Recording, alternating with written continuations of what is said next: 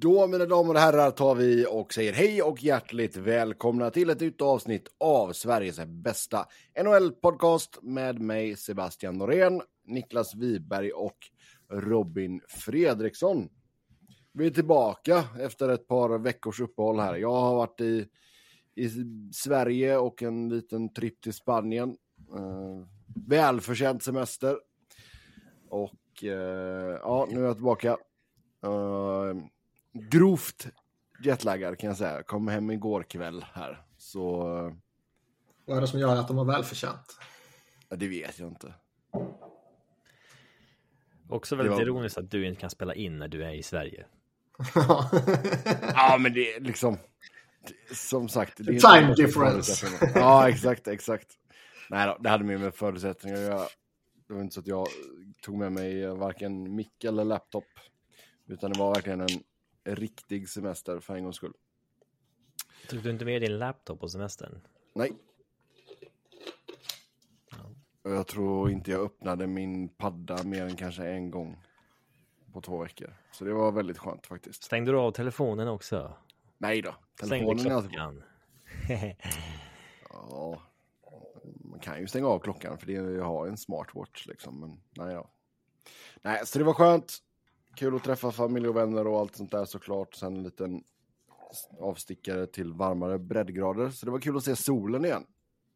Det var ett tag sedan faktiskt. Så eh, nu är vi tillbaka. Vi ska som vanligt ta och gå igenom det senaste som har hänt i världens bästa hockeyliga. Och ta upp ett gäng av era lyssnarfrågor. Stort tack till er som har skrivit in. Först ut, kontraktsförlängning här. Michael Rasmussen i Detroit, fyra år, 3,2 miljoner landar hans capita på. Niklas? Mannen med det svenskklingande namnet här. Är han värd detta kontraktet enligt din mening? Alltså, eh, när det här kontraktsförlängningen kom upp i mitt flöde så var min första reaktion Just det ja, Michael Rasmussen existerar. Mm. Det är jävlar i mig inte en spelare som man har eh, haft någon koll på. Nej, alltså han har väl ändå tagit något kliv framåt nu eh, detta året får man väl så säga. Eh, ja, han går ju mot karriär, karriärsbästa så visst. Ja. Men eh, jag vet inte om man liksom, om de, de bettar väl lite på att det finns någon växel till här i honom. Det är alltid lite intressant att följa de här spelarna som går rätt in i NHL och sen så ångrar sig mm. organisationen och sen får de göra eh, AHL-vägen. Eh, hur det sen eh, går, men hans produktion sista två åren rättfärdigar ju en typ av ehm, förlängning mm. såklart, men han är samtidigt på den nivån vad det gäller tvåvägsspel och etc. att skulle han ha en svag säsong så skulle han liksom eventuellt inte få förlängt alls och behöva signa ett år, en miljon. Ja. Den, eh, den fina linen balanserar han ju på. Ehm, så att det måste ju vara väldigt trevligt att kunna casha in det här kontraktet på fyra år på 3,2 mille per år. Alltså ja, han kommer ju från ett treårskontrakt här med strax under 1,5 miljoner i, i capita. Så som du säger, det är ju gött för honom att kunna casha in här. Men... Han, han tillhör den här liksom kategorin av spelare där det är eh, på ett sätt det skiljer väldigt lite mellan att behöva signa ett år, en miljon eller få ett sånt här kontrakt. Eh, trots att det skiljer väldigt, väldigt mycket pengar på de kontrakten på något sätt. Ja, ska man hårdra det lite så är det ju typ lite packlack. Ja. Opportunity mm. framförallt också. Ja, ja, verkligen. Han har väl fått lite mer speltid i topp 6 med ganska bra omgivning, så visst. Han gick ju som nia i draften 2017, så det är ett tag sedan. Fyller 25 ja, år i, i vår. Lite hype kring honom då, på grund, eller tack vare hans eh, size. Ja, det är en stor pojk. Han är nästan två meter lång. 1,98. Mm. Står listad på 100 pannor. Ja, och en sån spelare som ändå gör mm, lite avtryck också kommer ju alltid hypas upp inför draften. Ja, herregud. Alltså de älskar ju Däremot Seister. var, däremot var han väl inte någon som producerade jättemycket om jag minns rätt. Eh, alltså, nej det var han väl inte. Alltså han spelar ju i, i Western Hockey League för Tri-City Americans. Mm. Det var väl eh, runt point per game liksom. Sen hade han ju ett djävulusiskt slutspel där. Eh, 17-18. Då gjorde han 33 poäng på 14 matcher. Ja, då får man väl lite uppmärksamhet också. Ja. Så, så är det med det i alla fall. Men det känns som en eh, klart kompetent pusselbit för Detroit att ha kvar kanske. Sen blockbuster-traden här mellan eh, Pittsburgh och Columbus. Emil Bemström går till Pittsburgh och i utbyte så får Columbus Alexander Nylander och ett sjätterumsval 2026. Så detta var första moven, vi kommer komma till det efter detta. Men det, detta var första moven som John Davidson gjorde som interim GM. Han är ju bara, eller den här är ju bara med på körschemat för att det är eh, Robins älskade diffare som är med. Ja, jag trodde det var för att det var William Nylanders bror. Nej, men det är väl alltid. Det är väl alltid lite intressant när det är en svensk mot en svensk på något sätt. Ehm, Nej. Ehm, men jag blir ändå lite förvånad här med tanke på att alltså Emil Bemström har ju visat en eh, betydligt större uppsida i NHL än vad Alexander Nylander har gjort. Där känns det som att eh, tåget har gått snart. Det är ändå att skarva lite när man säger betydande. Betydande.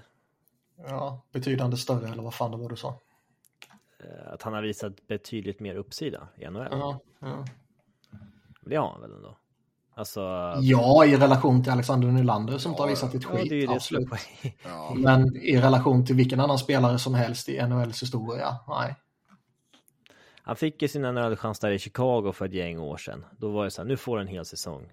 Men det flög ju inte liksom. Eh, sen så stördes väl han lite av att missa hela 2020, 2021 där. Men eh, Ja, Det... det, det mest intressanta med den här är att Kyle Dubas äntligen kunde trada en Nylander. Mm. Efter alla år av skrik. mm. ja. Nej men alltså, det känns ju inte som att han, Alexander, vad är han? Han fyller 26 här nu, nästa vecka.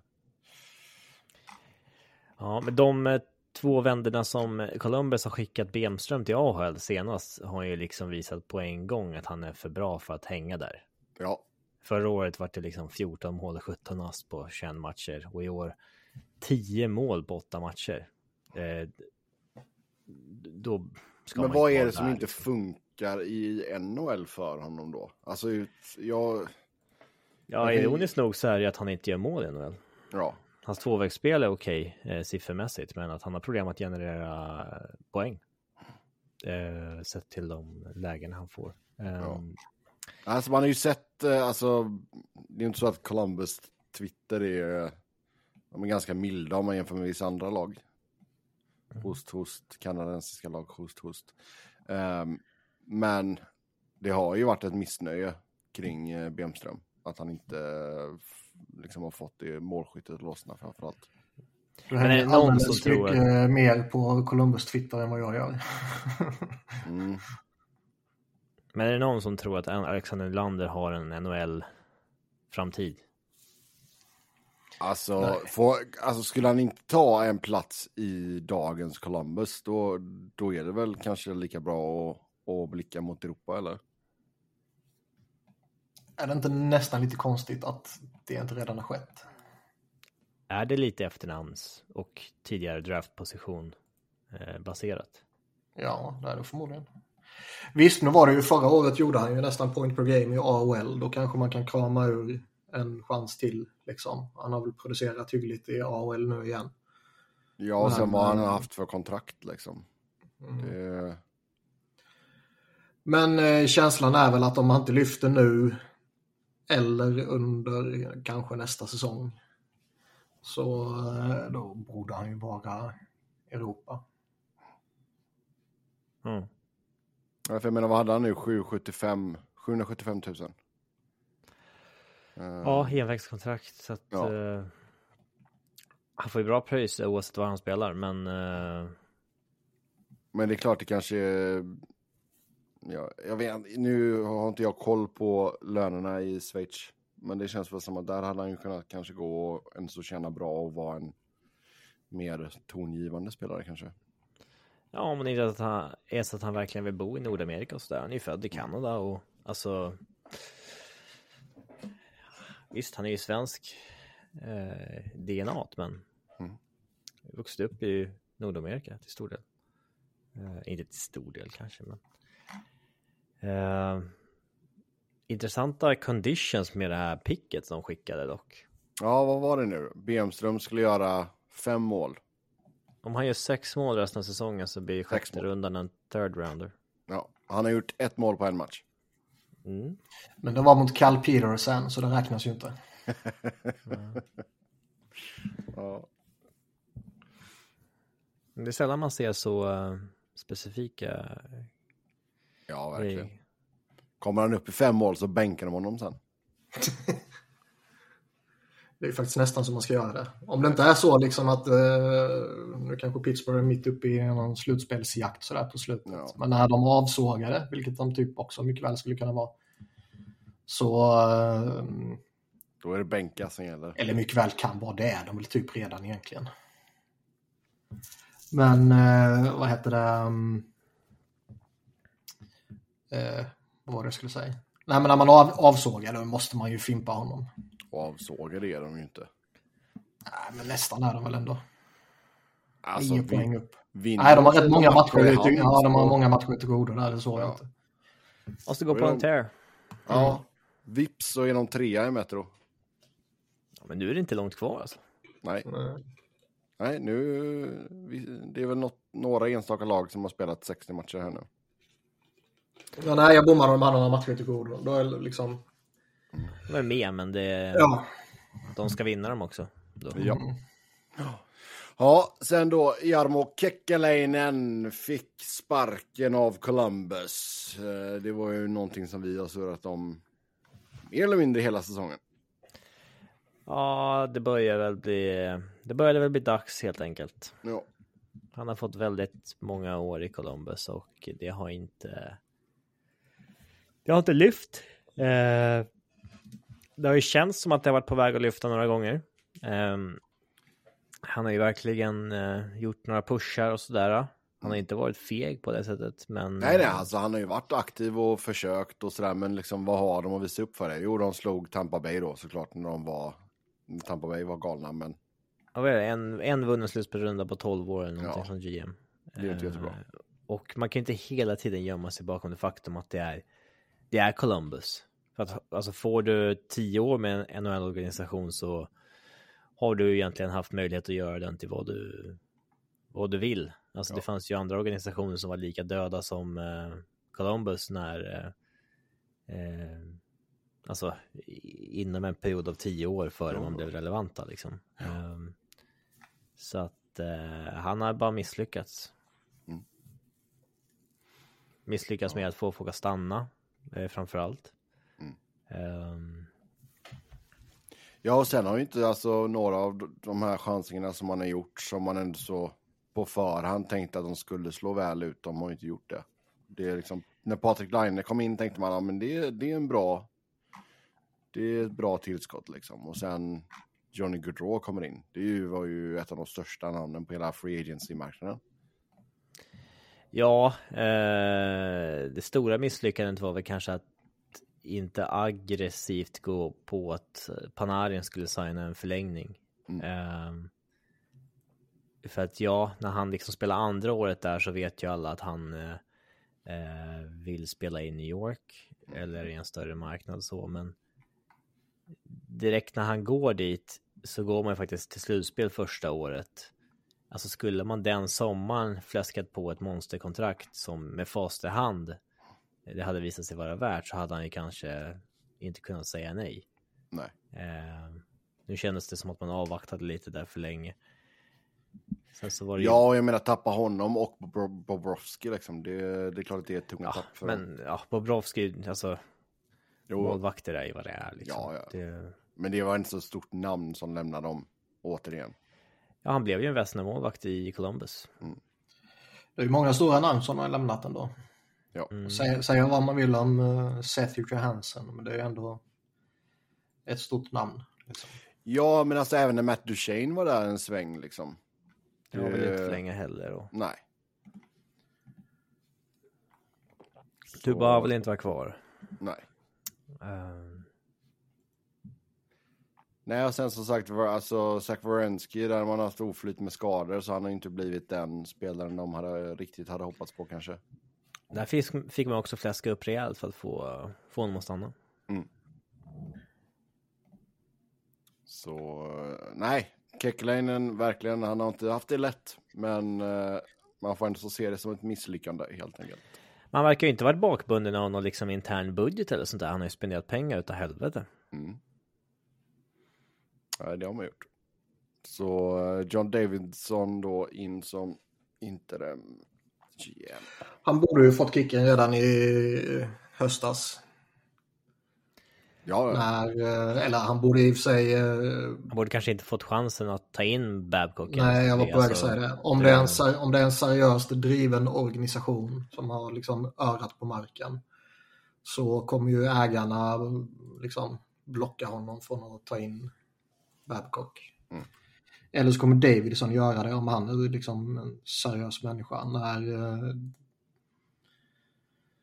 och när han nu tar över så känns, eller i alla fall tillfället, så känns det väl inte det direkt som eh, så jätteinspirerande.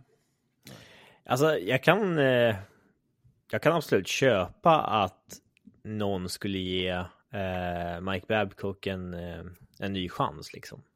Men det man gör då som GM, det är att du liksom sätter ut din neck on the line för den personen. Alltså, Mm. fuckar han upp igen, då är det du som ryker också. Eh, Men det kanske, det känns det som att Jarmo var ganska medveten om att hans eh, tid började sinna och han var tvungen att eh, chansa lite. Alltså för det är ju ändå historiskt. Ja, det var väl sista bra. chansningen kanske.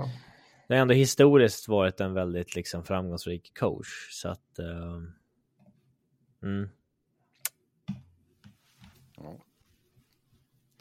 Yes, men vi får ju se vad som händer och fötter här. Det lär ju bli en del förändringar i sommar, skulle vi väl gissa på. Han har ju inte lyckats med någonting i alla fall.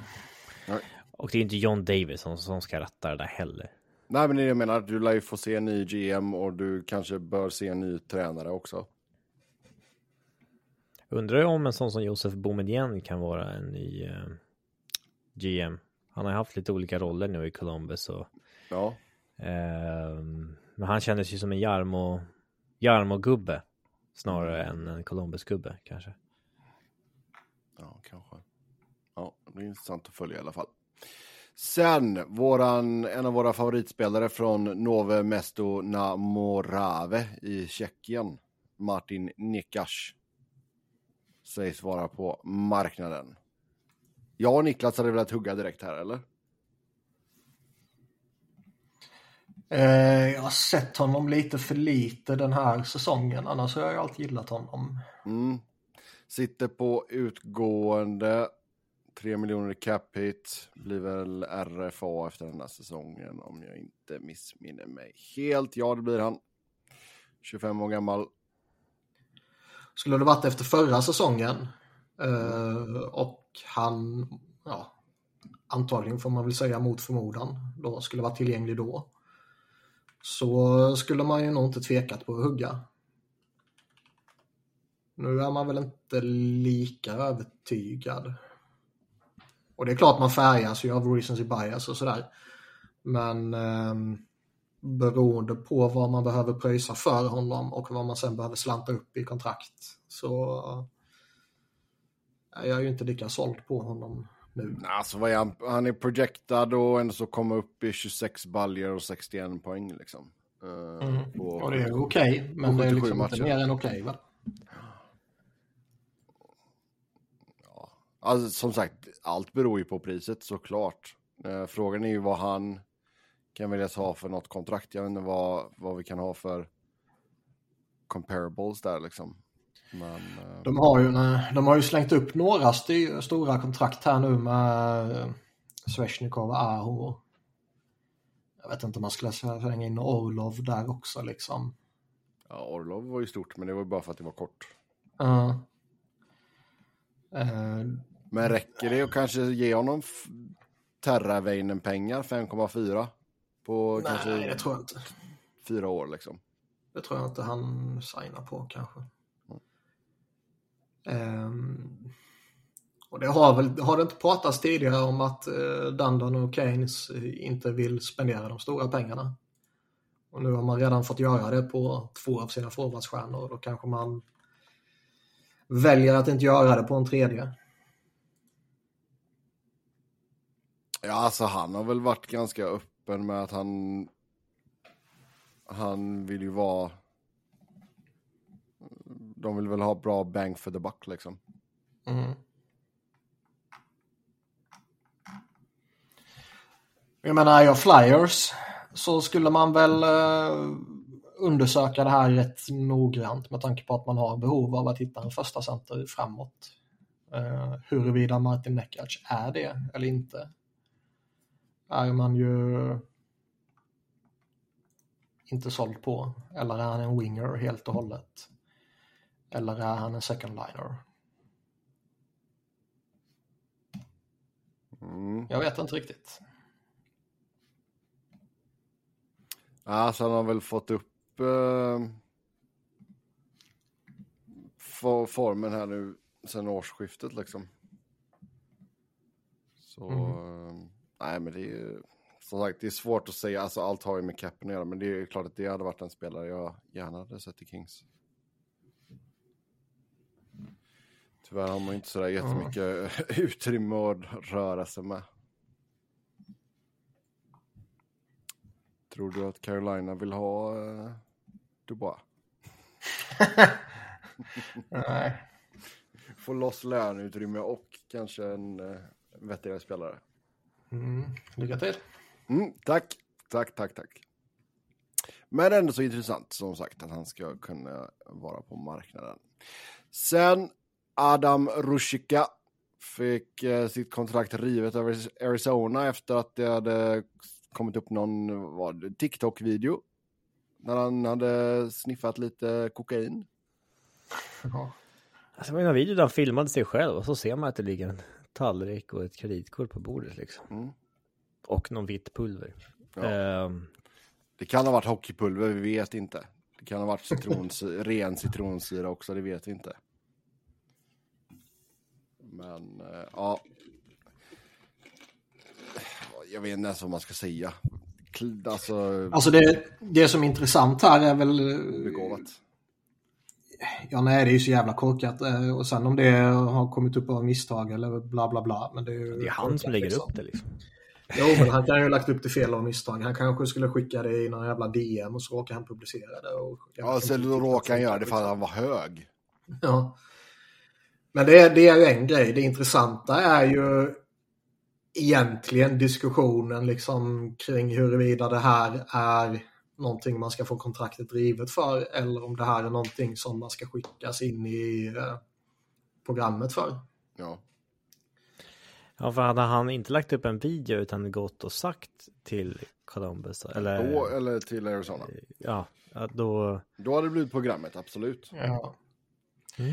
Nu är det väl den här klausulen som finns i, i deras kontrakt att du, du ska typ du ska sköta dig, du ska inte ställa till med PR-problem. Typ. Nej. Ja men typ så här det här i, i fotbollen så är det ju när det gäller doping så är det du får inte göra någonting som skadar sportens anseende. Även om det Mm. skulle typ vara lagligt där just du är. Och där faller alltid koka, kokain in under. Sen samtidigt är det också som många har sagt, han är inte den enda som tar kokain i NHL. Nej det verkar vara Den enda som, ja, Eh, han är väl den enda som lägger ut det på sociala medier dock. Samtidigt så vet man ju att skulle Austin Matthews göra samma sak så skulle de ju inte riva hans kontrakt direkt. Nej, det är ju inte så smart att göra det när man är lite av en nobody. Nej. Nej. Nej, nej, verkligen inte. Han håller ju på att försöka etablera sig i NHL och har ju varit en fringe-spelare liksom så här. Eh. Och sen vad, vad betyder det här framöver? Betyder det att han aldrig mer ska spela i NHL eller är det fritt fram för 31 ar- andra organisationer att ge honom ett kontrakt i sommar eller? Ja, alltså han får väl, få, han får väl fortfarande gå in i, eh, i eh, programmet om han vill. För jag menar, Galchenyuk fick ju gå in i programmet efter att Arizona rev hans kontrakt. Sen så var väl han typ där en vecka och sen drog han till KHL, men det är väl en annan grej. Jag vet inte heller hur det funkar där. Liksom, om han får kontraktet eh, rivet nu kan ligan ändå propsa på att han ska in där. Eftersom eh, spelarfacket har ju x antal dagar på sig nu att överklaga det här. Ja. Det var väl ganska lång tid, det var väl en månad eller två. Ja, något sånt var det. Ehm, och jag menar, Han bör ju kunna få besked om det ska överklagas. Ja, Ja, men jag menar då, då kan ju det kan ju ligga i ligans eller i spelarfackets intresse av att han liksom går in i det här programmet. Jag vet Ja, inte hur det funkar. nej, nej, det är klart att alltså, han, bo, han borde gå in i programmet. Sen vet, kanske han säger nej, jag vill inte. Det Ja, revs ju ingen kontrakt när Kuznetsovs video kom ut. Nej, men han var ju lite, lite för bra spelare för det. Jaha. Mm. Men här får vi ett... Men hade den eh, kommit ut nu så... Ja, när de inte ger ja, då skulle nog Capsen ta något emot det. Beroende på vad, eh, vad Ovechkin godkänner. Så vi får helt enkelt vänta och se vad som händer där. Men som sagt, han borde gå in i programmet. Och sen borde det väl vara fritt fram för de andra lagen och genom ett kontrakt i sommar. Om det är någon som vill ha honom. Ehm, tänker, det här kan ju mycket väl vara en sån grej som gör att han inte kommer få något nytt kontrakt. Alltså oavsett om det här skulle kommit fram eller inte så skulle han ju mycket väl eh, spela någon annanstans nästa säsong. Ja, Det är ju ingen eh, legit NHL-spelare på det sättet. nej. Ja, vi går till Vancouver och Elias Pettersson. Där ska man ha erbjudit åtta år till Elias med en capita på 12 miljoner. Men det fortsätter att spekuleras om hans framtid. Han har ju hela tiden sagt att han vill avvänta till säsongen är över innan han ska förhandla om ett nytt kontrakt. Det har eh, skrivits att lag har ringt till Vancouver och kollat av läget. Men att de har sagt att eh, man siktar på att försöka förlänga med honom. Det var ju den här eh, Douali, eller vad han heter, reportern i Vancouver som eh, verkar vara rätt insatt sådär. Han ska ju ha sagt att eh, Vancouver typ inte har fått några indikationer från Pettersson att han eh, vill vara där long term. Och att det ska vara frustrerat. Mm. Mm. Ja, men alltså det är inte... Det är inte att det är aktuellt med en trade. Liksom, Det... Nej, alltså, Inte, tur- inte nu, det tror jag De inte. ju- Inte i och med att de, eh, Ja, till sommaren vet man inte. Men nu kommer ju absolut inget ske när de liksom har den här säsongen.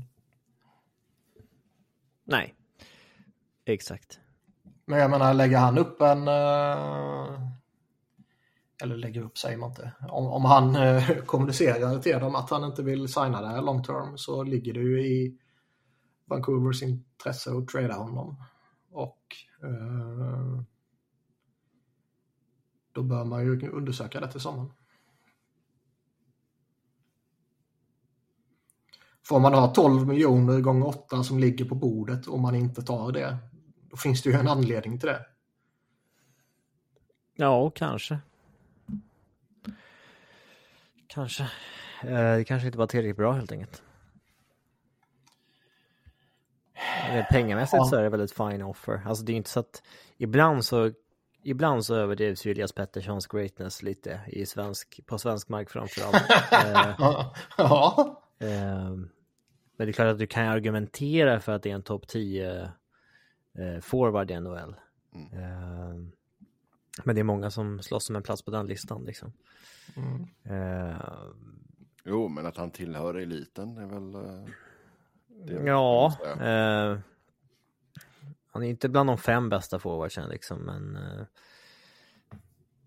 runt tionde platsen där börjar han väl komma in kanske. Eh, 10, 15, 20 något sånt där beroende på dagsform och smak. Typ. Ja, det finns alltså liksom. Då är McDavid, Dreisaitl, McKinnon, Matthews, Kucherov och någon, några till som är liksom ändå klart eh, före. Ehm, men Elias ehm, är såklart eh, en elitspelare. Ehm,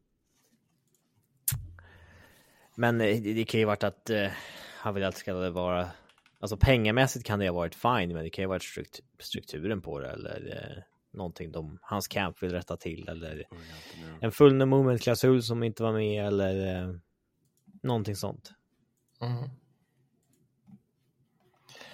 Eh, Rätt många Philadelphia-supportrar som vill gå efter honom. Antingen för offer sheet eller för trade. Ja, kan jag tänka mig. Men då får man nog samla på sig lite pix. Ja, man måste ha sina man egna också. Ja, men det tror jag de har. Men... eh, alltså om det är offer sheet. alltså. Ja. Ja. om det är offer sheet. Men... ehm, eh, vad var det jag skulle säga?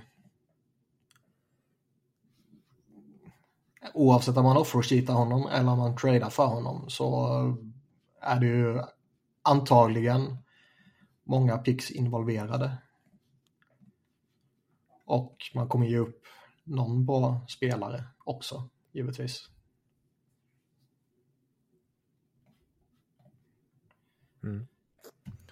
Så Elias till Philadelphia Flyers, eventuellt. Ah, han är ju min fiende. Lite one way street där kanske. Kanske. Men eh, ja, jag vill ju egentligen inte ha svenska superstjärnor i Philadelphia. Det är inget bra. Då kanske du får någon till match på tv åtminstone. ja, Kanske får en svensk kommentering på någon match extra. ja, Lite mer studio. ja. Och det är ju alltid otroligt sevärt. Host, host. Men eh, nej, jag är väl inte så taggad på honom av eh, just svenskfaktorn. Eh, men eh, får man in honom så är det ju ingenting man skulle eh, se som något dåligt rent hockeymässigt. Ja, Sebbe offline, det är därför han inte är med. Ja, vad skönt. Ja, men då går vi vidare själva då. Det känns som att vi har sagt det vi behöver säga. Ehm, Ja, Phil Kessel tränar med Vancouver i nästa grej på programmet. Ja. Gör han det fortfarande eller är det en gammal grej? jag vet inte. Ja. Han, antingen tränar han eller så tränade han. Alltså han är ju för... Han är ju inte tillräckligt bra längre. Det syntes ju sista vänderna framför allt att han... Han hängde ju inte med längre. Alltså det enda han kunde göra var ju skjuta in litet mål. Eh, och det är väl alltid... Hej igen. Det, Det är bra, nu kommer tillbaka så här och så internetet strular direkt. Jag har inte växtnät kan jag säga. internetnätet. Ja. Det är Spectrum som ska ha skit. Åh nej. Är, är eh, Phil Kessel tillräckligt bra för att spela NHL fortfarande? Ingen aning. Alltså det känns ju som att ganska länge levde han väl ändå så på sin explosivitet och, och farten och sådär när han väl var uppe i... Ganska länge så levde han på sin Ironman streak. Ja, Skulle jag snarare säga. men alltså, han skulle kunna funka i en fjärde kedja kanske visst. Men eh, Men kan han ta en sån roll fortfarande? det är ju en, eh, en annan fråga. Jag vet fan, men liksom jag skulle ju nästan hellre chansa på att signa honom nu än att liksom man tittar på vissa andra spelare som figurerar i en fjärde line eller som kallas upp från AHL eller något sånt där. Ja, de har, de har en kille som heter Archdeep. Däremot är det ju som jag sagt många gånger, ska man signa honom och man ska envisas om att han ska fortsätta sin jävla Ironman-streak, då kommer det bara bli eh, distraherande ju. Ja, ja, nej, nej. Utan Men det har måste sagt ju- att det inte är... Han har sagt det, ja. Ja, han har sagt det, men du, det vet man ju inte förrän det eventuellt blir av. Liksom. Där måste man ju verkligen markera första matchen. Han missar första matchen och sen är det... Alltså är det över. Så det Ja, inte blir liksom. en eh, Nej. grej att men nu har jag ändå gjort fyra poäng på åtta matcher. Ska du fortfarande peta mig? Eh, Ja. Det han jagar framför allt är väl att han vill göra åtta poäng till. Så att han når eh, tusen poäng i NHL. Mm. Och det är lite coolt ändå när man eh, vill nå sånt tycker jag. Det är för Oh, många som slutar när man är så jävla nära en eh, threshold. Då blir jag lite förbannad. Sundin det. Ja. Ja. Vad var det Svagt. han slutade på? Eh, ja, ska vi se här. kolla det lite snabbt. Vad sa Mas du? Ronny Sundin? Ronny Sundin. Du, hans pöjk var med i Frölundas laguppställning häromdagen. Nej, inte Sundin. Det måste vara någon annan spelare vi tänker på. Moderno blev ju scratchad av Babsan. Ja, det var inte hans eh, fel. Nej, det var inte Sundin. Det, Han hade väl någon svensk, va? 1349 poäng. Ja, det, är ju, det- det är väl kanske Gretzky som borde spelat något år till. Mm. Nått 3000 poäng och eh, 1000. Samtidigt behöver ju Gretzky sluta år 99. Ja, ja, så kul var det inte Sebbe. jetlag-hjärnan här nu. Alltså jag är så jävla... Som sagt, man känner sig typ full. Eh, Har du druckit mycket kaffe? full och bakis. Och, nej, jag har druckit en kopp kaffe och tryckt i mig en energidricka. Eh, klockan är två på dagen här. Så det är inte mer än vanligt. Eh, ska vi se. All time. Men det var någon, det är någon svensk som jag tänker på. Jag hittar ingen svensk på listan som det skulle kunna vara. Ja, Henrik Zetterberg hade ju ryggproblem, annars så hade väl han kanske kunnat ta sig upp till 1000 poäng. Ginla fick exakt 1300. Näslund var fem baljer ifrån 400 mål i och för sig. Ah, men det är inte att det var fem baljer från 500 mål. Nej. Det är fem baljer från 400 mål. Mm. Eh, Thomas Sandström var 17 matcher ifrån 1000 matcher. Men det, ja, jag vet fan. Någonting var det jag tänkte på i alla fall. Men, eh, nej, men alltså jag håller väl med Niklas där. Det, ta in full Kessel, det känns som en bra, mer stabil chansning än att kalla upp några av de här killarna då, typ Archdeep. Eh, så får vi väl se. Men sen har vi Kessels gamla lag Vegas och de sägs vara på jakt efter en topp 6 forward. Mm. Nu har de ju återigen pengar att spendera. Efter att Mark Stone eh, hastigt och lustigt är skadad och kommer missa alla matcher fram till slutspelet börjar. Alltså frågan är om inte han bara alltid spelar skadad och sen så kan de sätta honom där när de behöver, när det behövs. Och nu var väl Jack Eichel dessutom va? Ja. Men... ehm, Väldigt bra jag, timing jag, ja, att han nu kliver av. för typ sjunde året i rad. Men ehm, jag tror väl man kan, vill man så kan man ju hitta vilken spelare som helst som har spelat ett antal hundra matcher i ligan och säga att oh, han är lite skadad här. Eh, ja, han har ju haft ett par ganska allvarliga grejer också liksom. Ja, han har en historia. Liksom, han har inte spelat en full säsong. Men då måste ju spelarna vara med på det. Ja. Alltså, det är inte alla som vill det. Nej, och jag menar, jag tror inte bara Nej, det det är konspiration det är klart. här, men Det är klart att de hellre har Eichel och, och Stone på isen liksom. ja. Men det är ändå lite anmärkningsvärt att det sker uh, återkommande. Ja, alltså de har väl assets att göra någonting. De har sina första rundsval de kommande åren. Sina ja, andra rundsval också. Och sen, eh, men jag vet inte, deras talangbank är väl inte jättehypad direkt va? Det känns det inte som att de har skitit i allt sånt hela tiden. Jo, lite så. Men då är det väl draftval då kanske. Och någon uh, djupspelare. Om det ens finns så många sådana kvar.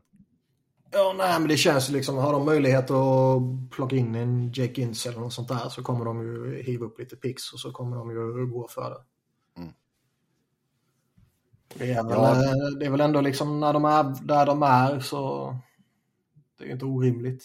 Nej, nej, verkligen inte. Och det, det är väl definitivt ett sånt lag där det kan vara värt att hysta något uh, högt draftval för en, för en pure rental. Liksom. För jag ser väl inte att man har jättegoda möjligheter att förlänga med Güntzel, kanske. Beroende. Ah, det beror i och för sig på. Säg att man släpper Marshus och, och Martinez så finns det väl pengar, men... Mm.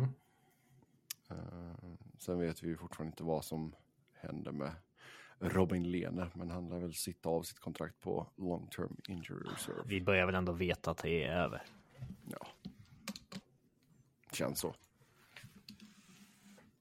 Men ja, Güntzel är väl en bra fit där. Vad finns det för andra namn kanske? Vill ju inte se Nekas hamna där i alla fall.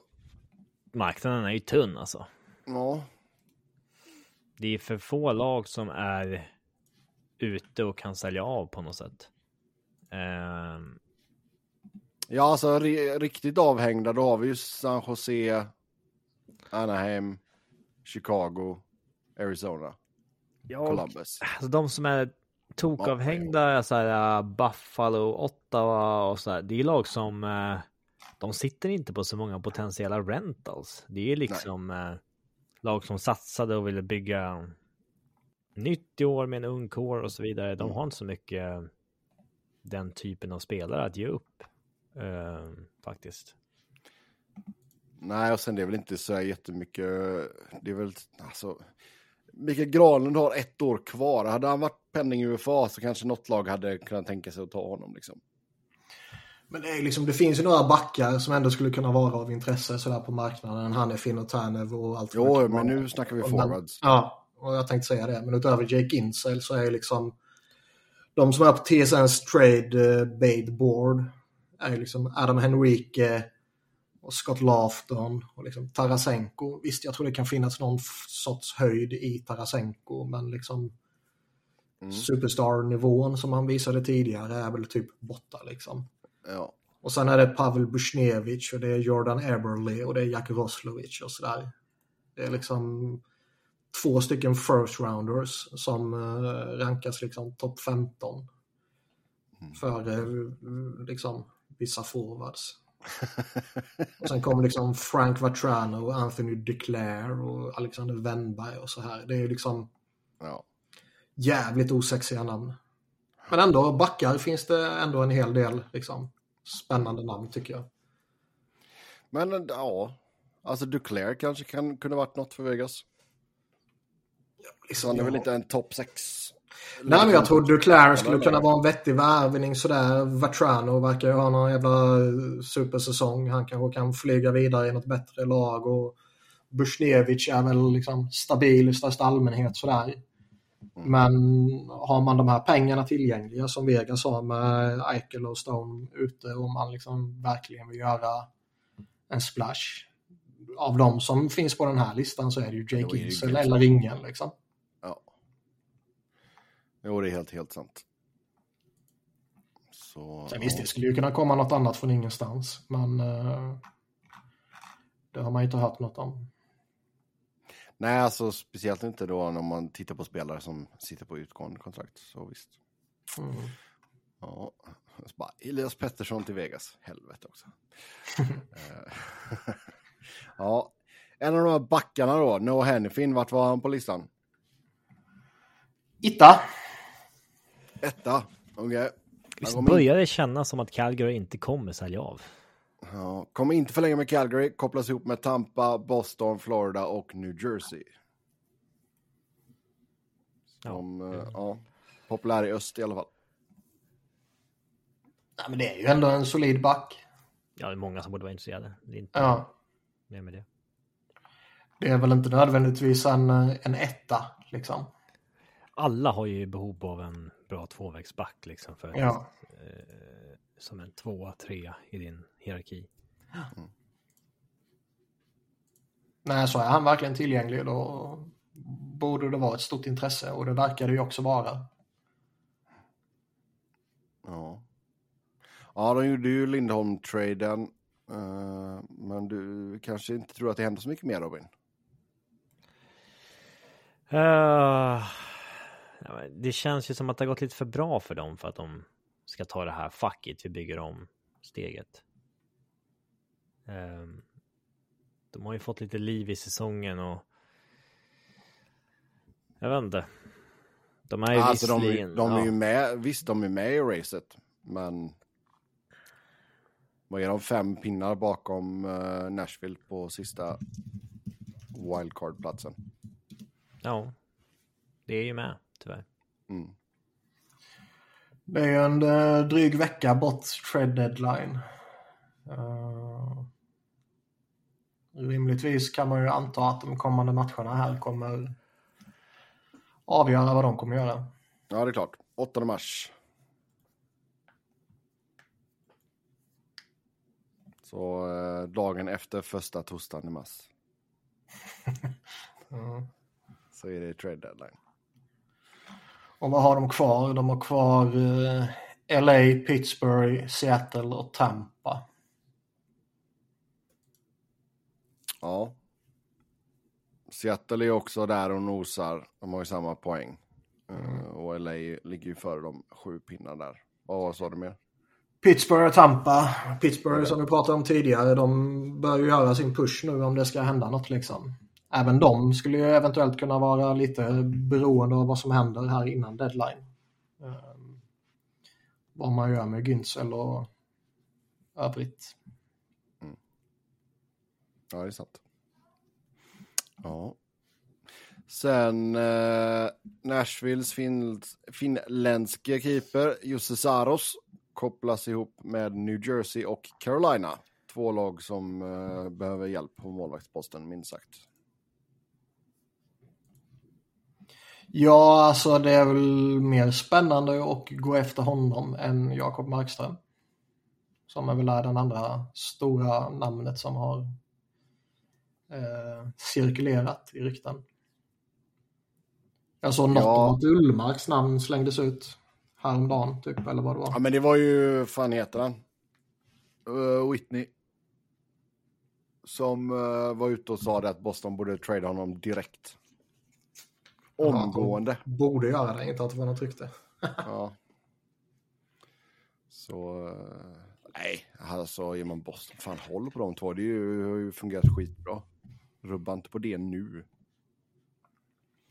Men nej, så nej, det, det, det beror på. Alltså, behöver, har man ett behov av att förstärka någon annanstans men det har, är det ju... Alltså Boston har ju några luckor. Ja, och jag menar då är det väl typ uh, en Ullmark man behöver offra i så fall. Eller om man kanske väljer att offra Swayman beroende på vem man vill satsa på framöver. Men jag skulle ju alltså rimligtvis de, vilja de satsa ju... på den 25-åriga målvakten, inte den 30-åriga målvakten.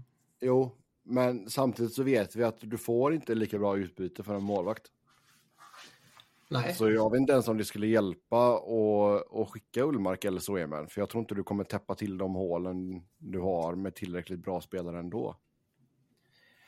Det är möjligt, men... Uh... Sen är visst, du kan alltid baka ihop något paket där en av dem ingår då. Ja, men jag, jag tror liksom när de förlänger med Swayman här nu så kommer han ju bli rätt mycket dyrare. Och ja. eh, jag, jag vet ju inte om man vill sitta med två så välbetalda målvakter. Det känns ju nästan lite slöseri kan jag tycka. Kanske. Samtidigt så har det fungerat väldigt, väldigt bra. Ehm, men eh, nej, nej, men jag, jag, absolut, jag kan köpa att man kanske inte har lyxen att sitta med båda till slut. Men nej. jag hade inte gjort det nu. Utan det är ju en sommargrej i så fall efter förlängningen är klar där med Swayman? Ja, förmodligen. Men man är det något lag som uh, ringer nu och är desperata? Alltså? Ja, betalar de ett överpris eller vad man ska säga, eller ett ordentligt pris, så visst. Då, eh, då kanske Sweeney säger att ja, men det är värt att, att bryta upp de här två kramgoa killarna. Eh, men jag ser som sagt inte det hända att man får det utbytet. Eh, men Saros då. Carolina och New Jersey. Det har ju varit lite sådär för båda de två på målvaktsposten. Inte så att Ja. Carolina, Car alltså New Jersey har väl, de har ju läckt lite mer än vad Carolina har gjort. Men Carolina har ju haft problem med skador framförallt på sina målvakter. Ja, sen är väl Case ändå i, i grunden så pass stabila och väldrillade att de hanterar det. Typ. Att New Jersey fortfarande inte har gjort någonting med tanke på vilken hype det var kring dem eh, inför säsongen och vad som har hänt med alla skador och så här. Eh, tycker jag ändå är förvånande att man bara fortfarande har trillat på. Och man kanske tänker att nej, men så länge vi är med så kan vi lika gärna vänta. Men det är väl också lite konstigt resonemang kan jag tycka. Ja, alltså just nu med Vanecek skadad också så är det ju Nico Dawes och Akira Schmidt liksom. Det... Ja. Och är man seriös så är det ju inte de målvakterna man eh, bygger med. Nej, och jag menar det, det är väl, alltså vi har snackat mycket om New Jersey och det känns som att de har många, många bra pusselbitar. Ehm, Men de har ju typ allt utan målvakt. ja, de är en, en bra målvakt ifrån att vara en uh, legitim contender liksom. Ja, och, ja, plus att de då behöver bli skadefria givetvis. Mm. Men det får man väl anta att de kommer bli. Ja. Så, eh, nej, jag kan förstå att man kopplas ihop med just Saros. Vad skulle pris kunna vara på honom i så fall då? Den lille finländaren. Han är ganska liten för att vara målvakt. Ja, du. Nu ska jag inte height-shamea någon, för jag är inte lång heller. Men han är 1,80 står han listad som. Från Hemmelina. Ja, alltså fan, ingen jävla aning. Inte lika vass i år. Men han har ju en så... Nej, hans, ans hans anseende generellt har väl dippat lite i takt med att Nashville har dippat också. Ja, men innan dess så har han ju haft... Han har ju inte så varit riktigt stabil under fan typ 5-6 år liksom. Mm. När hade vi senast en målvaktstrade där det var liksom en här är en målvakt som är bra, det här går, och det här går ett lag efter liksom. Ja du, det vet jag inte. Ja, Så det är, så- det är svårt att jämföra pris Mm. Oh ja. när vi inte har någon liknande trade i närtid att eh, ta ställning till. Nej. Eh, Nej, jag vet inte. Du får gärna grå, eh, grotta lite för att se om du kan hitta någonting. Gärna grogga lite och så Grogga lite och så uh, kommer du tillbaka med något, något, något förslag. Ja, exakt, exakt. Nej. Men sen rykten om Jake Allen till Colorado. Är det någonting du går igång på Robin? Nej. Nej. Nej. Nej. Nej, men de har ju problem med att de inte har någon tvåa de kan lita på så att de får spela Georgia för mycket. Och Georgia har inte varit bra i år heller, men. Eh, Men då är det väl inte konstigt att man går efter ett ganska beprövat namn i så fall. jo, med tanke på hur dyr han är och att han har kontrakt över nästa år också. Ja. Han får vara tvåa nästa inte- år också. De har inte råd att ha en målvakt som kostar 3,85 som reservmålvakt nästa år. Då får ju de käka lite på honom. Ja, men då ska du betala premium för att få en jävla Ja. andra målvakt på. Nej. För att få en gammal Jake Allen. Mm. jag kan absolut se att det finns liksom en, en, eh, ett värde i Jake Allen, eller ett, ett hyfsat värde i Jack Allen för Montreal när det finns ett lag som kanske, jag för mig vi nämnde han i samband med typ Flyers liksom, man behöver någon backup till Samuel Larsson nästa år eller något sånt där typ. Mm. Eh, där kanske Montreal kan få något för honom. Men jag förstår verkligen inte varför ett lag som Colorado eller något liknande skulle gå in och slösa de pengarna på en backup liksom. Det skulle ju vara om eh, Montreal kan tänka sig ta Ryan Johanssons kontrakt i samma veva. Liksom. Ja, visst. Då ska man ju betala rätt mycket. Dels för att få en målvakt som Montreal nog inte vill släppa. Eh, de vill väl bara släppa honom om de får någonting bra för honom. Liksom. Det är väl det. Mm, mm. Och sen ska de få betalt för att ta Ryan Johanssons kontrakt. Eh, så att, och man, även om inte han har varit någon succé så har man väl ändå någon sorts behov av att ersätta honom också. Om inte annat så numerärt. Ja, han har ju inte varit helt i scratchen någon gång av, av en anledning. Liksom. Mm. Så att det är inte så att de har någon annan att spela där. Ja. Yes, yes, yes. Men vad ser du annars att det kan, alltså vad finns det för kanske mer logiska alternativ rent pengamässigt sett? Sammanvakter? Ja, för de behöver väl en? Ja, Eller? jag vet inte. Det känns väl som att det är, det är väl någonting de kommer att försöka lösa innan deadline. Ja, kanske. Um... Nej, jag vet inte vem annars som skulle kunna vara aktuell. Det finns ju ingen som har, alltså. De flesta har ju ganska dåliga siffror lite överallt. Uh, det känns ju som att man bara chansar på någon ny då som ska göra det lite bättre. Men trada till Antiranta från Carolina efter att Sarves går dit och så blir han skadad direkt. Ja. Mm. Ja, sen har vi Edmonton som ska vara intresserade av både Adam Enrique och Sam Carrick. Ja, Sam Carrick vet jag inte eh, varför. Adam Henrique verkar ju ändå ha byggt upp sitt anseende lite. Det kändes att han var på väg ut för relativt nyligen ändå. Så har han ändå studsat ja, tillbaka lite. Och eh, Det är inte... Visst, nu pratade vi ju precis om vilken eh, värdelös forwardsmarknad det är där ute. Och by default så är väl han typ en av de mer attraktiva i så fall. Men jag skulle ju inte betala för att få in honom. Alltså sen är det väl, eh, det är klart att båda de hade ju varit alltså uppgraderingar, uppgraderingar för dem. Men eh, som sagt, betala för att de ska gå in och spela i din bottom six liksom. Nej, jag vet inte. Det...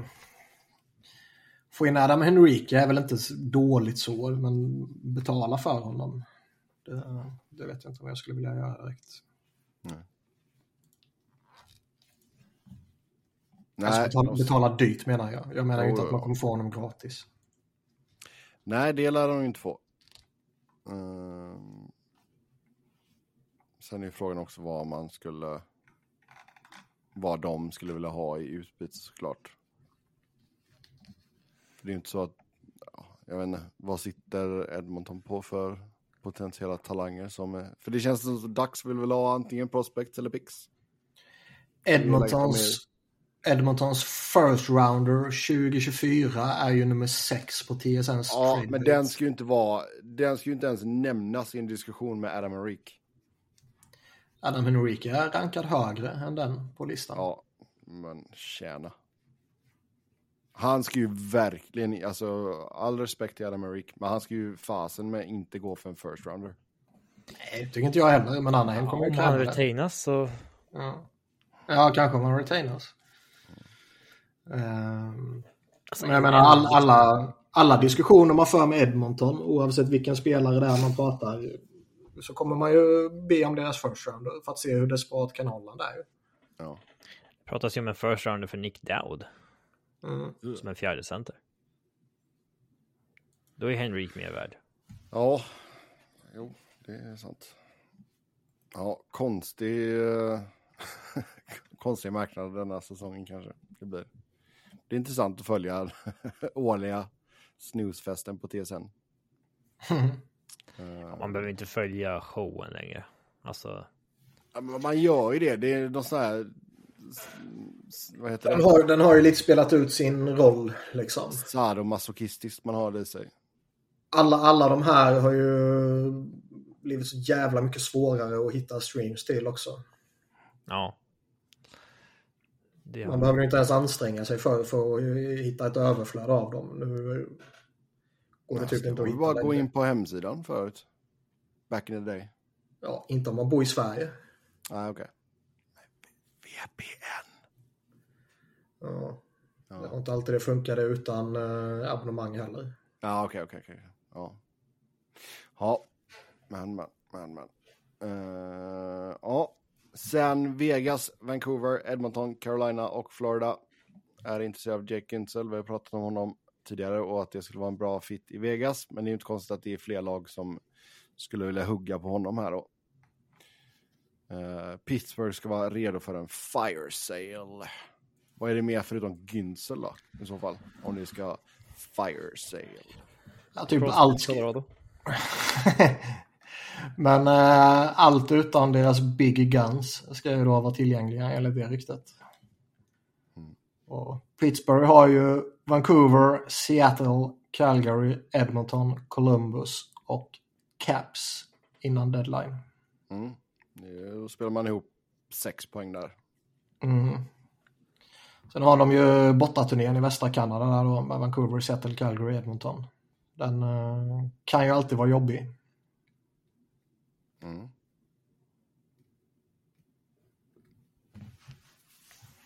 Ja, Så det är som spelare sa det var? det, var, det dök upp i flödet bara, jag kommer att tänka på det nu. Det var någon som kallade Seattles ställe för något shithouse eller något sånt. här. Fan vad det. Ja, skitsamma. Ja, om det stämmer. Det såg jag något om också. Mm. Tänkte det, ja, men, men. Det är inte alla som gillar Seattle. Nej. Nej. Eh, ja, Big Guns, alltså Crosby, Malkin, Karlsson, Letang då. Untouchables. Eh, vem, ja. vem, vem tradar för en 39-årig Jeff Carter? ja, det är en bra fråga. Nej, men jag menar alltså. De har ju inte jättemycket man kan trada. Av, Alltså, eh, de har- värde, av värde då Nej, liksom. av värde, ja, exakt. Nej. Ehm, visst, man kanske kan eh, kränga Alex Nedeljkovic till Colorado som behöver en billig backup. Liksom. Och, eh, man kanske kan hitta någon som tar Jeff Carter och tror att liksom, lite playoff experience kan göra nytta när han ändå eh, slutar vara bra för rätt länge sedan. Du får ju typ ge bort honom. Mm. Ja, Alltså, visst, du kan väl göra hockey trades med Raquel eller Rust liksom. Men det är väl ändå så ett... Ja, nej, man kan ju säkert hitta någon som kan ta eh, någon av de där lite billigare också, Lars Eller och allt vad det kan vara. Men, Ja. men, eh, det känns ju inte så konstigt på något sätt att... Att för dem att... Men visst, skulle de förlora merparten av de här matcherna och de är avhängda så visst, då, då får man väl trada det som går att trada liksom. En något konstigt läge man är i liksom. Det var jävligt väldigt. tydligt i somras att man gick liksom all in på den här corens sista säsonger. Eh, och det tycker jag är rätt. Det har vi pratat om tidigare när man har en sån core. Liksom. Mm. Men sen blir det som det blir och det känns som att man egentligen inte har eh, gjort någonting för att liksom motverka den negativa spiralen den här säsongen heller. Utan det känns som man bara har trott att det kommer lösa sig av sig självt på något sätt. Ja, litat på att de ska få ihop det. Ja. Och det kanske de får. Men eh, som sagt, det är ett litet avstånd upp. Och eh, visst, man har matcher till godo, men det är ju matcher som man måste vinna då. Och antagligen så måste de ju börja vinna dem nu för att då göra en liten push innan deadline så att Dubas-gänget vet vad, vad man ska göra. Typ. Ja. Ja. Japp, japp, japp. Eh, sen eh, Philadelphia har börjat diskutera förlängning med Nick Sealer så får Niklas prata om det i två minuter. Såg ni det senaste? Nej. jag tror det var precis innan podden, så David Pagnotta på the fourth period sa ju att eh, Philadelphia är more likely to trade Sean Walker Mhm. än att eh, behålla eller förlänga med honom. Ja, det har vi pratat om tidigare. Ja. och att eh, det har inte börjat diskutera någonting formellt med honom. Eh, men det har ju börjat diskuteras om att han och Nick Sealer kan liksom skickas i ett paket. Så att eh, ett lag tradar för det paret så att säga. Mm. Men sen så sa han ju också nu att eh, On Sealer sounds like the initial contract ask wasn't received overly well from Philly's side. Talks ongoing, I believe, but sounds like Flyers want him in the 2.5 to 3 million AAV range. And Sealers camp is looking for a fair bit more over multi years. Mm -hmm. Nog för att Sealer den sista tiden här typ har liksom etablerat sig som en väldigt solid back för tredje paret. Och, och liksom eh, han, han har ju i hans lilla bubbla så har ju han blommat ut typ liksom. Men han är ju verkligen inte mer än en back för ett tredje par och han är ju en sån back som när någon yngre spelare kommer upp och behöver få plats så är ju Nick Sealer en sån som bör få flytta på sig i så fall. Liksom. Och slänger man upp liksom 2,5 till 3 miljoner för honom. Det är ju galenskap ju. Mm. Jag har inget emot att liksom förlänga med honom och trada Walker typ. Uh, nu fick man ju en skada på Jamie Drystyle här och Ristolainen är ju skadad sedan tidigare. Så för några veckor sedan hade man ju överflöd av backar och nu ser det lite tunt ut där liksom. Så då kanske man känner att man inte kan dumpa iväg båda backarna kring deadline utan man skickar Walker och behåller Sealer och så förlänger man med honom. Men um, slänga upp ett sånt kontrakt är för mig helt obegripligt. Alltså det är ju hans potentiella payday så att man förstår att hans camp... Uh... Ja, det är ju givet ju. Absolut. hårt för det liksom. Absolut. Mm. Och han kommer, det kommer ju säkert vara något lag som eh, hivar upp miljoner till honom på free agency om han hamnar där. Men eh, om det är liksom kravet från hans sida så skulle jag ju trada han utan att tveka. Mm. Och jag skulle trada Sean Walker också. Sen är det ju då den här liksom lilla twisten med både Drewstale och, och Ristolainen som eh, försvårar lite. Jag tror ändå att liksom, även om man äh, säger och, och, är tydliga med att vi, vi kommer behålla våran strategi även om vi är en playoff push liksom, så tror jag ändå att när man när man ligger på slutspelsplats och man är mitt uppe i en slutspelsjakt så börjar man sälja av alldeles för mycket så tror jag det kan skapa lite lite ont blod i omklädningsrummet. Ja, eh, jag skickar en länk till det här nu från uh, Jay Fresh. Han har gjort en ny, Kommer inte in ny, på den. ny artikel här på EP, Rinkside. Där han går igenom vilka lag som ska vara säljare, vilka som ska sitta lugnt i båten och uh, vilka som ska vara köpare. kommer inte åt EP Premium. Uh, så att, Synd för dig. Alltså jag kommer in på EP Premium, men inte om jag är inne på Rinkside-sidan. Nej, okej. Okay. Då står jag ett lösenord in, stämmer? Ja. Intressant. Sucks for you. men... Uh, ja. Nej, men han är ju också inne på samma linje som Niklas där. Uh, med Walker och Sealer. Uh, och sen sa han väl även ifall folk ringer om Lawson och uh, Ristolainen så kan man i alla fall lyssna på dem också. Ja, givetvis. Det är självklart. Um,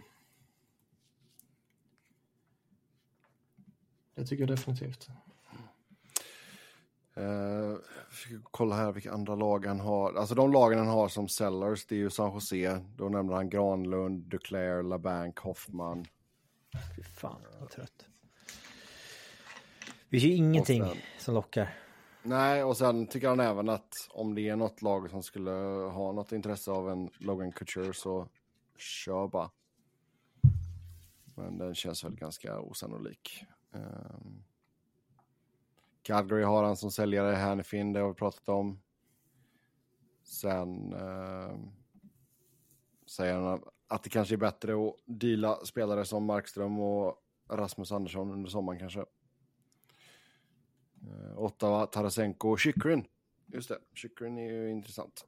Uh, det har inte kommit fram någonting nytt där, men vi har ju pratat om honom tidigare. Och så Blues, Ducks, Buffalo. Där snackar man om Victor Olofsson och sen kanske att någon vill ha en veteran i Eric Johnson. Det vet uh, ja, alltså. Veteranen som börjar bli helt scratchade i dåliga lag. Då är det... Där dör lite av deras marknadsvärde tror jag på en gång. Mm. Sen har han Capitals också. Att man kanske eh, Joel Edmondson det är ju inte. Han checkar ju många boxar i alla fall. För många lag så här stor, tuff back liksom. Och sen Anthony Manta, uh, eh, Nick Dowd. Uh, sen har han Seattle Kraken också, Wennberg. Och sen eh, kanske om Günzel och Butchnevich försvinner från marknaden så Jordan Eberle kan ju då bli intressant för några lag kanske.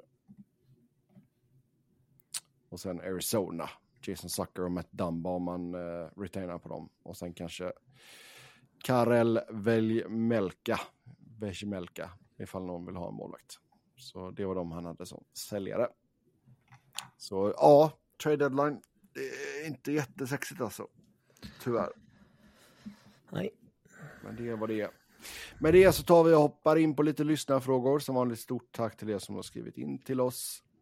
Först ut, vad säger ni om Patrick Kanes återhämtning och vad ska Detroit göra med honom kring dödlinjen, deadline, trade deadline? Ja, alltså nu är de på villkorspass. Så de ja. kommer inte göra någonting överhuvudtaget. Nej. Gå för det.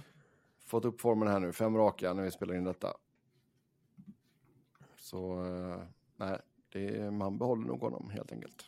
Ja, nej, det är givet. Det tror jag. Men, Även om man skulle eh, torska matcher här innan deadline så eh, man kommer behålla honom 100 procent.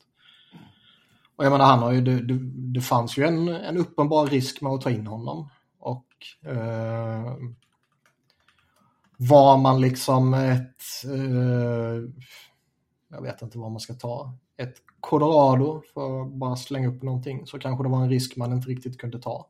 Nej. Eh, men är man i Detroit så var det väl en risk som det fanns goda möjligheter för att den skulle kunna bli lyckosam.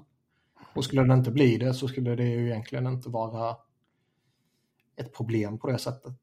Nej. Nej, och alltså, han ska ju han ska fan ha beröm för det han har gjort alltså. Det... Ja, det är imponerande med tanke på att det ändå var lite sådana här typ skräckrubriker kring eh, kring skadan och kring eh, andra spelare som har haft motsvarande skada tidigare. Så eh, att titta tillbaka och vara point per game och ändå vara en eh, liksom ett hot. Det är ju beundransvärt, absolut. Speciellt nu efter han kom tillbaka från den här skadan som inte hade med höften att göra. Mm. Så har han ju verkligen varit on fire. Så nej, det är riktigt imponerande att göra det vid 35 års ålder. Få igenom. Finns det något Torts-fynd där ute? Vad är ett Torts-fynd, Wiberg? Alltså jag tolkar det som om det finns någon liten sån här uh, reclamation project på backsidan. För uh, Tårtan och Brad Shaw, hans uh, ja, han är väl associate coach och inte assisterande coach, men det är väl typ samma sak. Um, de har gjort ett väldigt fint jobb med att rehabilitera flera backar. Vi har pratat om Ristolainen och Walker och Sealer, liksom. Travis Sunheim får man ju slänga in där också. Uh, Cam York, uh, fin och stabil. Diego Samola utvecklas ändå okej, okay, liksom. Så det är väl så jag skulle tolka det. Och um, vet inte vad det skulle vara liksom, om det finns något där ute.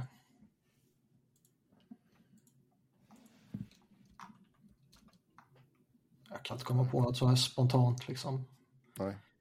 Men eh, de har ju några spelare underifrån också. Det var nyligen snack om att eh, Ronnie Attard har gjort det bra i AHL, att han kanske förtjänar att få en titt snart. Oliver Bonk eh, är ju på uppgång och har ju gjort en jättebra säsong i OHL. Så, Det var, var det Radex pojk? Ja. Ja. Emil André vet man inte riktigt vad som händer med honom heller. Det finns väl någonting där liksom. Eh, um, men eh, nej, jag kan inte komma på något sånt där på, på rak arm som skulle kunna vara intressant. Ja, vi får se vad han kan hitta på helt enkelt. Eh, sen kan Sebbe eller Robin kolla upp den här Flyers-matchen som Oduya spelade med Philly för att se om han verkligen var så dålig. Jag ska försöka till nästa vecka att hitta den matchen. Eh, så, Eller så får man ju bara lita på mitt omdöme. Ja, tvek.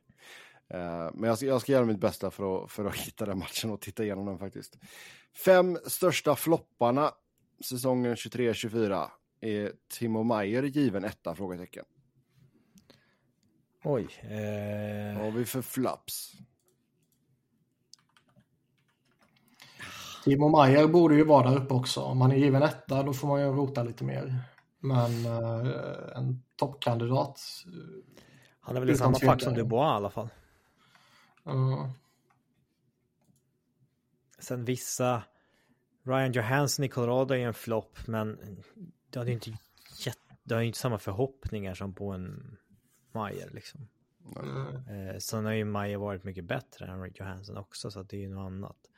Eh, Ja, men man, man får ju sätta det i någon form av relation till vad de brukar prestera eller vad man hade förväntningar på dem. Men det är klart att Dubois är en av eh, de största flupparna.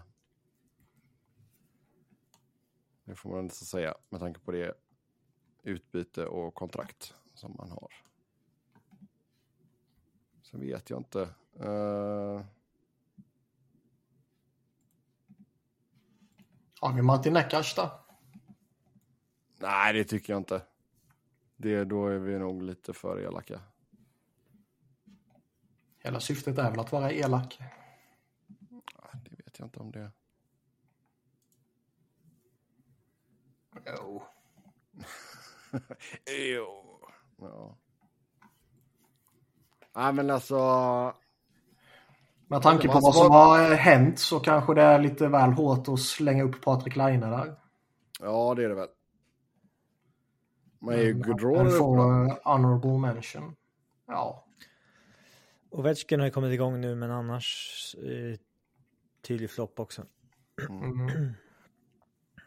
Men då snackar vi, alltså, då snackar vi bara vem har haft en besvikelse till säsong, inte Ja, exakt. vem har floppat liksom Nej, nej, det är ju, som det är, i ett lag, den grejen. nej, utan det är denna säsongen bara.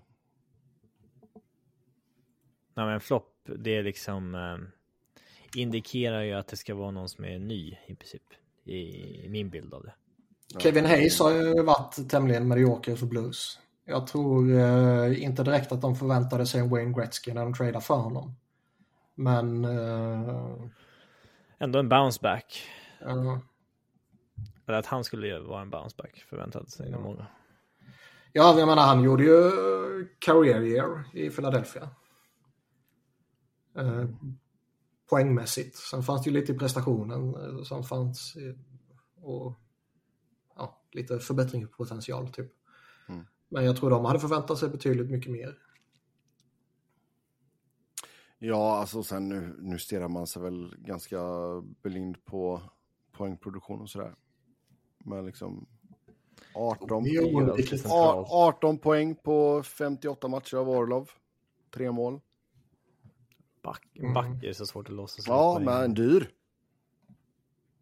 Ja, jo men han har varit en flopp, det har han ju. Så ja, där har vi några namn i alla fall. Men eh, ja, Timo Meyer är väl etta där då. McDavid på väg mot över 100 assist. Förutom Gretzky tar ni vilka mer som gjort det? Det är, Som har gjort mer än 100 poäng. nej, mer än 100, 100 assist. assist i NHL. Ja, ja. Sen, Sen när då? urminnes tider. Det är bara det är två spelare. Jaha. Det innebär att du redan har fuskat. Ja, jag har kollat upp det ja. Så ni ska få säga varsin spelare till mig bara. Jaha, Mario Lemieux känns ju, det kan man ta gift på att han har gjort det ju. Ja, Jag för mig att den andra kan vara typ så här. uh, då är det en herre kvar. Jag ska ge dig lite ledtrådar. Visst hade Joe Thornton typ så här 92? Det är en eh, back. Bobby. Ja, Jag ska ge dig några ledtrådar och sen slänger du upp det enklaste jävla ledtråden man kan göra. Liksom. ja. Det är också rätt tråkigt att du dödar liksom, frågan direkt genom att säga att det är två gubbar. Här skulle jag säga att du fuckade upp rätt hårt. Ja, sorry. Sorry. Gretzky gjorde det vid 11 tillfällen. Ja, inte gjorde mer Lemieux, alltså. Lemieux det vid ett tillfälle och Orr vid ett tillfälle. Orr Mm. gjorde det 70-71. Då hade han 102 ass på 78 matcher. Det är lite mer roligt att prata om de som nästan gjorde det ju.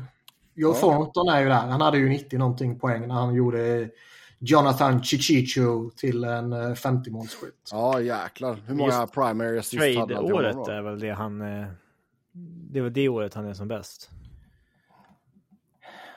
Var det första året? Jag vill se. Ja, det var trade-året där. Då hade han 96. Mm. Ja.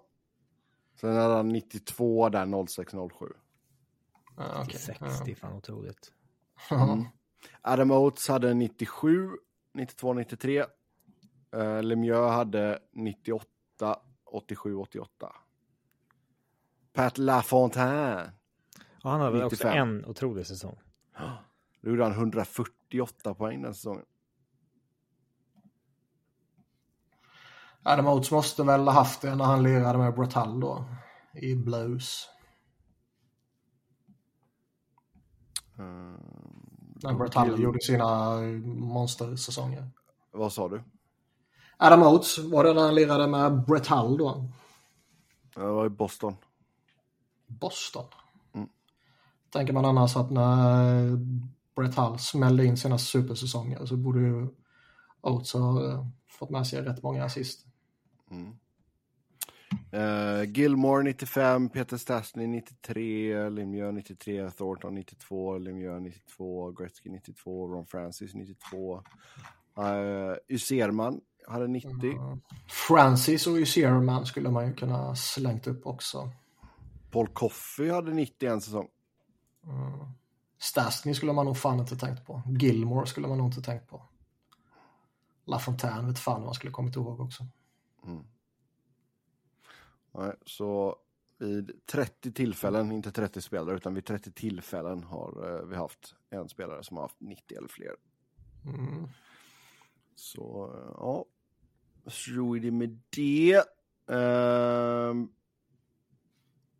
har läst en del trade-rykten om Elias Pettersson. Tror ni på allvar att det finns någon substans i det eller är det bara galna rykten? Alltså vi har ju pratat om detta men det känns som att det just nu så är det bara rykten. Vancouver vill försöka förlänga. Alltså, eh, bara rykten är ju ändå liksom eh, förminska. Ja, jo det är för sig sant. för Det är, folk, det, är, det är lag som har ringt så visst. Ja. Eh, och det, jag menar, det, det har ändå kommit tydliga indikationer på att det liksom förmodligen är någonting som inte står helt rätt till där. Liksom. Om det sen garanterat innebär att han kommer kräva en trade bort, det, det är ju att överdriva givetvis.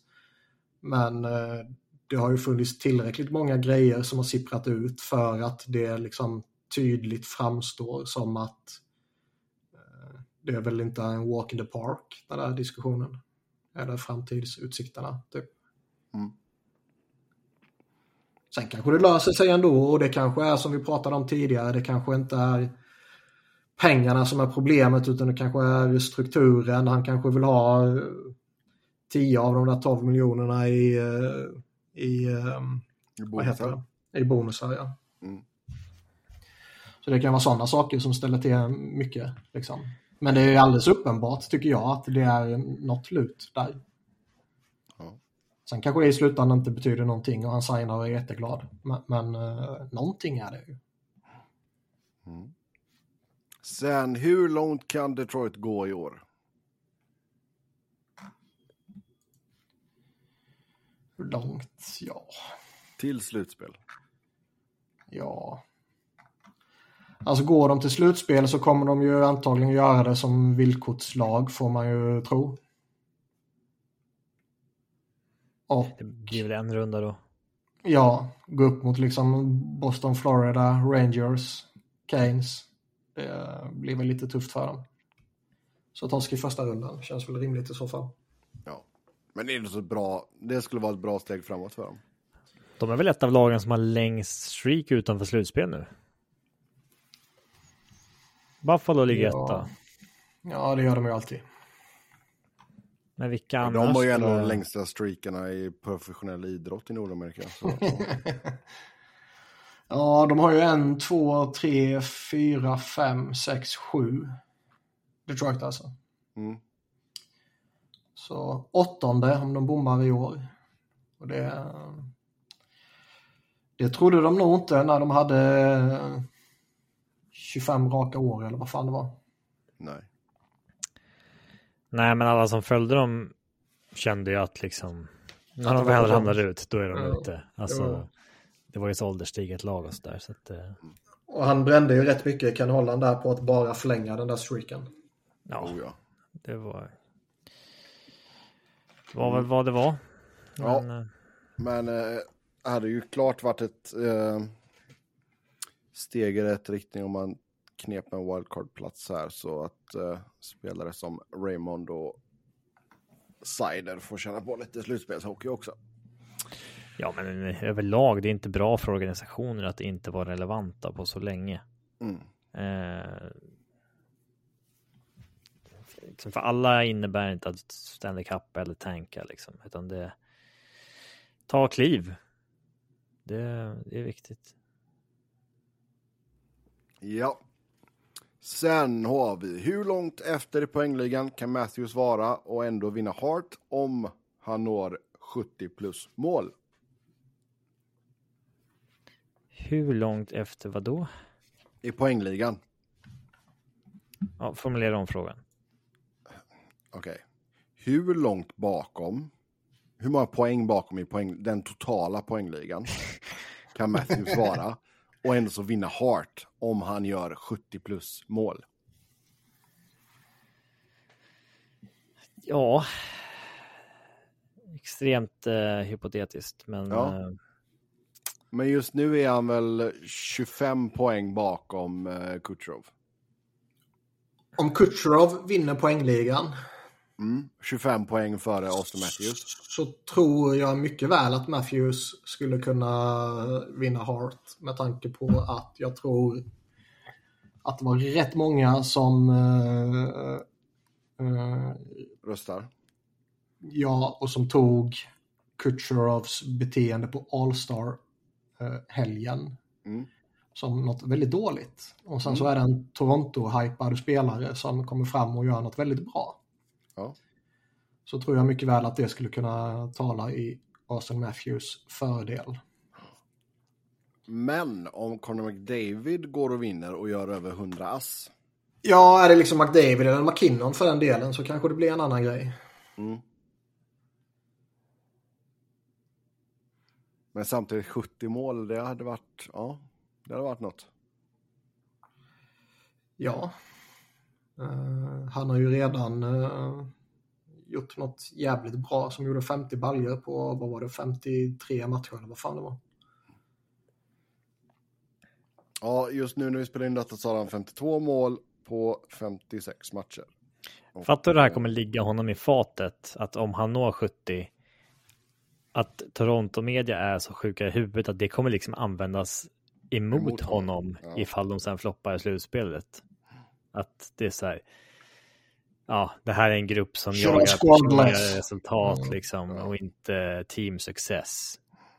Uh, Det, det kommer bli så. Mm. Oh ja.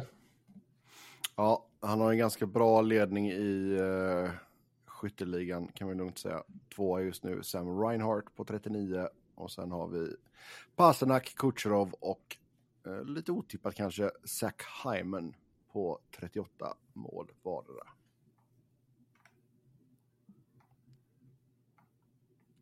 Så ja, Zach Hyman alltså. Mm. Eh, ja, det var väl allt för idag. Som vanligt så kan ni köta hockey med oss via Twitter, X. Mig hittar ni på att Niklas på att Niklas Wiberg, Niklas med C, Wiberg med enkel V, Robin på R underscore Fredriksson, podden på SB NHL podcast.